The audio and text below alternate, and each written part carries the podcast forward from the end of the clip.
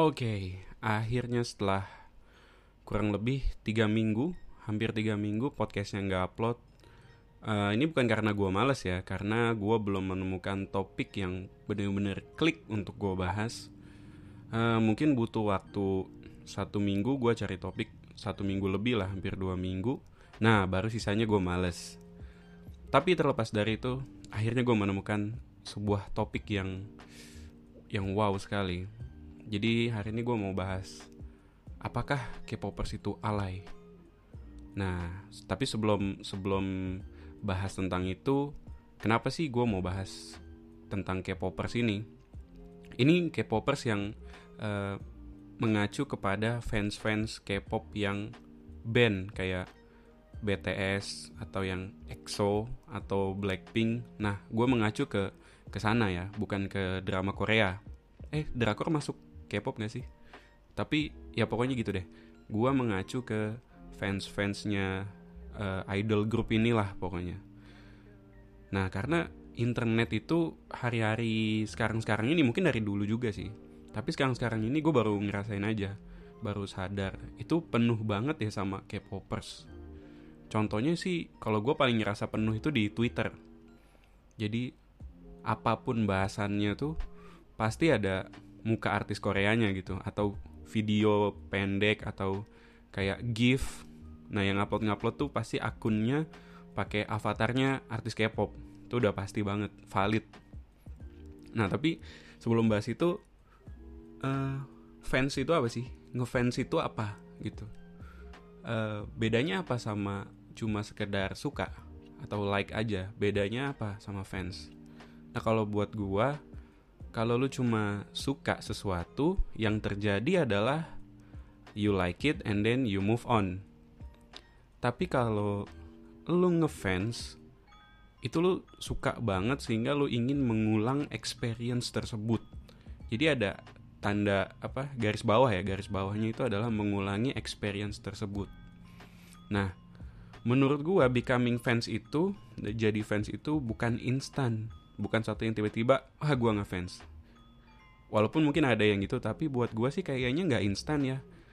Fandom itu umumnya datang dari beragam beragam atau beberapa exposure dari experience of liking something. Misalnya uh, nonton Korea mungkin dari denger lagunya terus nonton apa nonton videonya dan lain-lain. Jadi ada banyak exposure sehingga um, jadilah uh, ngefans gitu. Nah ketika lu punya beberapa experience yang lu suka tadi jadi ada banyak exposure yang lu suka udah uh, naturalnya bahwa lu ingin ngulang ingin mengulangi experience tersebut. Karena liking and repeating is giving yourself a satisfaction atau giving yourself a pleasure. Contoh simpelnya gini, buat gue ngefans itu analoginya sesimpel ini. Sesimpel lo makan potato chips, keripik kentang. Lo makan satu keripik, enak, lo suka. Apa yang lo lakukan berikutnya? Lo ulang tuh. Lo ambil lagi, lo makan lagi. Enak lagi, lu ulang lagi begitu terus sampai lu makan sebungkus dan lu akhirnya eh ini keripik kentang enak besok lu beli lagi nah ngefans itu buat gue sesederhana itu analoginya. Beda sama liking. Kalau liking itu mungkin nggak terlalu kunci kata kuncinya mungkin repeating ya repeating experience. Contoh gue pribadi gini gue suka musik-musik zaman sekarang. Nowadays music yang cenderung lebih elektronik bukan musik-musik yang organik dari alat musik ya. Jadi benar-benar artificial lah pakai synthesizer dan lain-lain gue masih sering denger-denger lagu kayak gini gue masih sering di radio mungkin di mobil atau lagi sama teman-teman tapi kalau lagi sendiri kayaknya gue nggak dengerin gue lebih gue punya preferensi sendiri untuk dengerin musik nah so becoming a fan itu ketika lo menyukai sesuatu dan mau mengulang dan melanjutkan experience tersebut. Jadi kata kuncinya kalau buat gue pribadi adalah mengulang dan melanjutkan experience tersebut.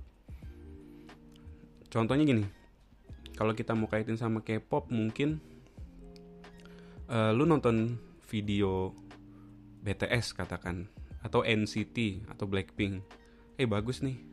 Terus lu ulang lu cari video lain. Selalu cari video lain akhirnya lu ketagihan nonton. Artinya di situ udah mengulang experience. Tadi kata kuncinya mengulang dan melanjutkan experience. Melanjutkan nih di mana? Lu mulai deh mulai dari suka nonton videonya mulai beli merchandise. Artinya ada sesuatu yang dilanjutkan. Nanti begitu mereka punya jadwal konser ke Indonesia lo beli deh tiketnya. Jadi mengulang dan melanjutkan experience. Itu kalau buat gue sih definisinya becoming a fan itu kurang lebih gitu. Nah tapi untuk K-pop music ini yang terutama K-pop band itu kapan sih ini? Tepatnya dimulainya tuh kapan gitu? Titik apa ya kayak kapan ini di triggernya tuh kapan? Akhirnya gue cari-cari gue baca-baca ternyata katanya nih itu dimulai pada tahun 92 1992 ada sebuah TV show. Jadi ada ajang pencarian bakat. Nah di ajang pencarian bakat ini ada performer musik Korea. Di grup tiga orang musik Korea maksudnya adalah uh, lagu tapi pakai bahasa Korea. Nah meskipun pakai bahasa Korea ya tapi nuansanya yang ditampilkan nggak Korea banget. Nuansanya ya Europop terus ada African American hip hop rap terus dibungkus sama synchronized dancing yang rame deh pecah pokoknya. Pecah karena waktu itu penontonnya uh, rame gitu ya maksudnya the audience goes wild gitu. Tapi ternyata jurinya nggak. Beda dengan juri. Juri kasih nilai jelek. Akhirnya mereka tereliminasi.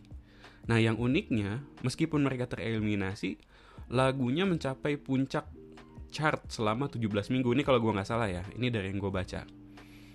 Jadi walaupun mereka tereliminasi di ajang TV itu, tapi market ternyata suka. Lagunya ada di chart 17 minggu tuh. Jadi so what makes them so good gitu? Apa yang sih apa yang bikin mereka tuh bagus gitu? Nah untuk jawab pertanyaan ini, akhirnya gue menguatkan diri mengukuhkan niat untuk melakukan riset kecil-kecilan secara ya swadaya lah, nggak ada lembaga risetnya.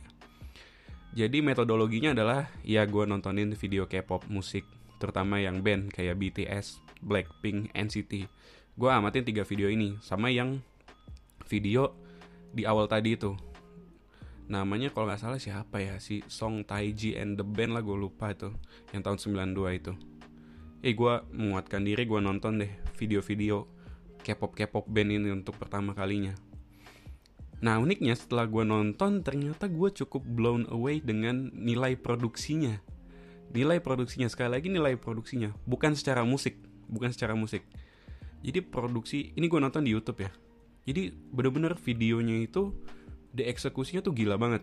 Warnanya, suaranya, koreografinya, synchronized dancingnya, penampilan si artisnya. Udah gitu videonya diuploadnya sampai resolusi 4K.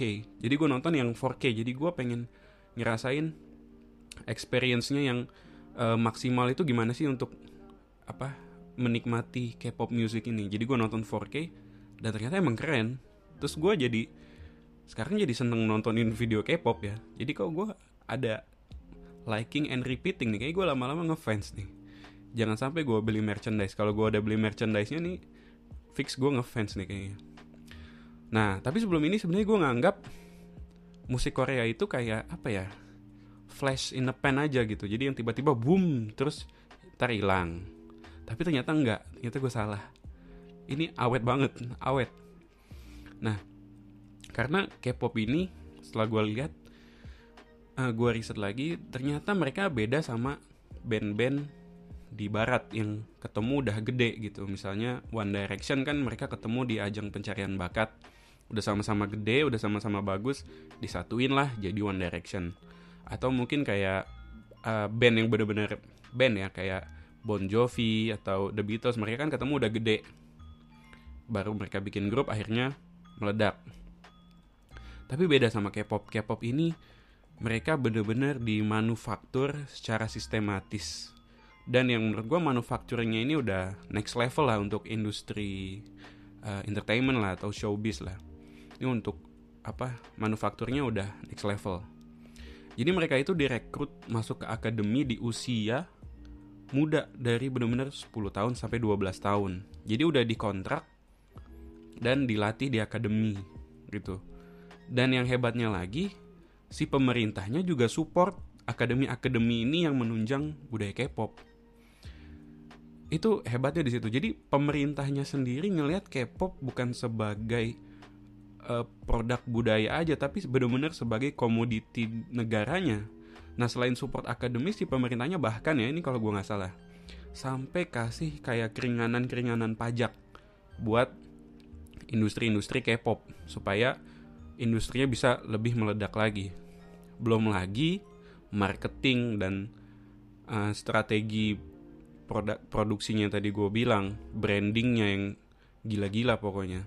Jadi uh, dari sini gue bisa tarik, it's not about the music, but the whole production gitu. Karena tipenya dari tahun 90-an itu sampai sekarang kurang lebih apa ya algoritmanya ya mungkin ya. Mungkin sama. Ada lagu uh, Korea ya kan? Liriknya Korean stylenya Western. Dibungkus dan didelivernya pakai koreografi yang gila penampilan dan performing yang gila. Jadi algoritmanya tuh kurang lebih selalu sama begitu. Jadi it's not about the music, it's the whole production. Nah, kita udah bahas nih kehebatan K-pop ini ya kurang lebih kayak gitu. Nah, tapi K-popers ini jadi sebenarnya alay apa enggak? Itu kan yang jadi kunci kan itu sebenarnya masalahnya.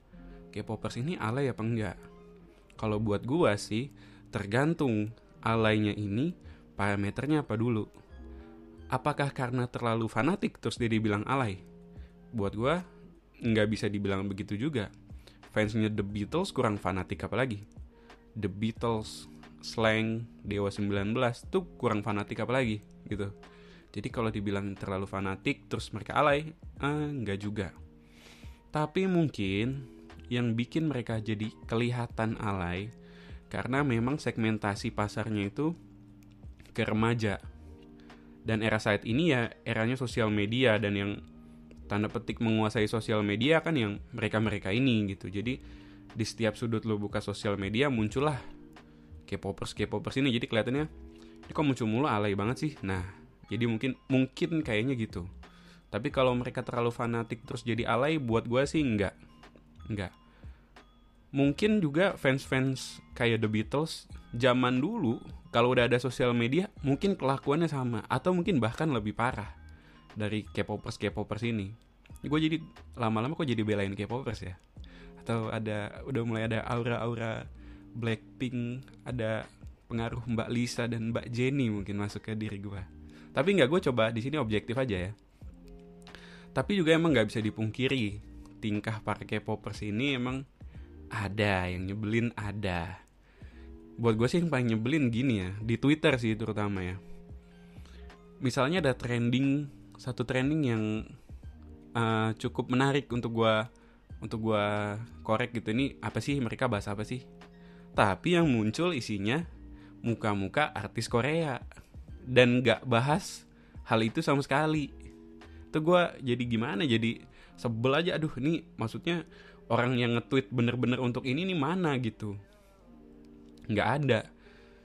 Isinya ya kayak K-popers tadi entah gifnya entah potongan video pendeknya dan yang nge-tweet manusia-manusia Ava Korea.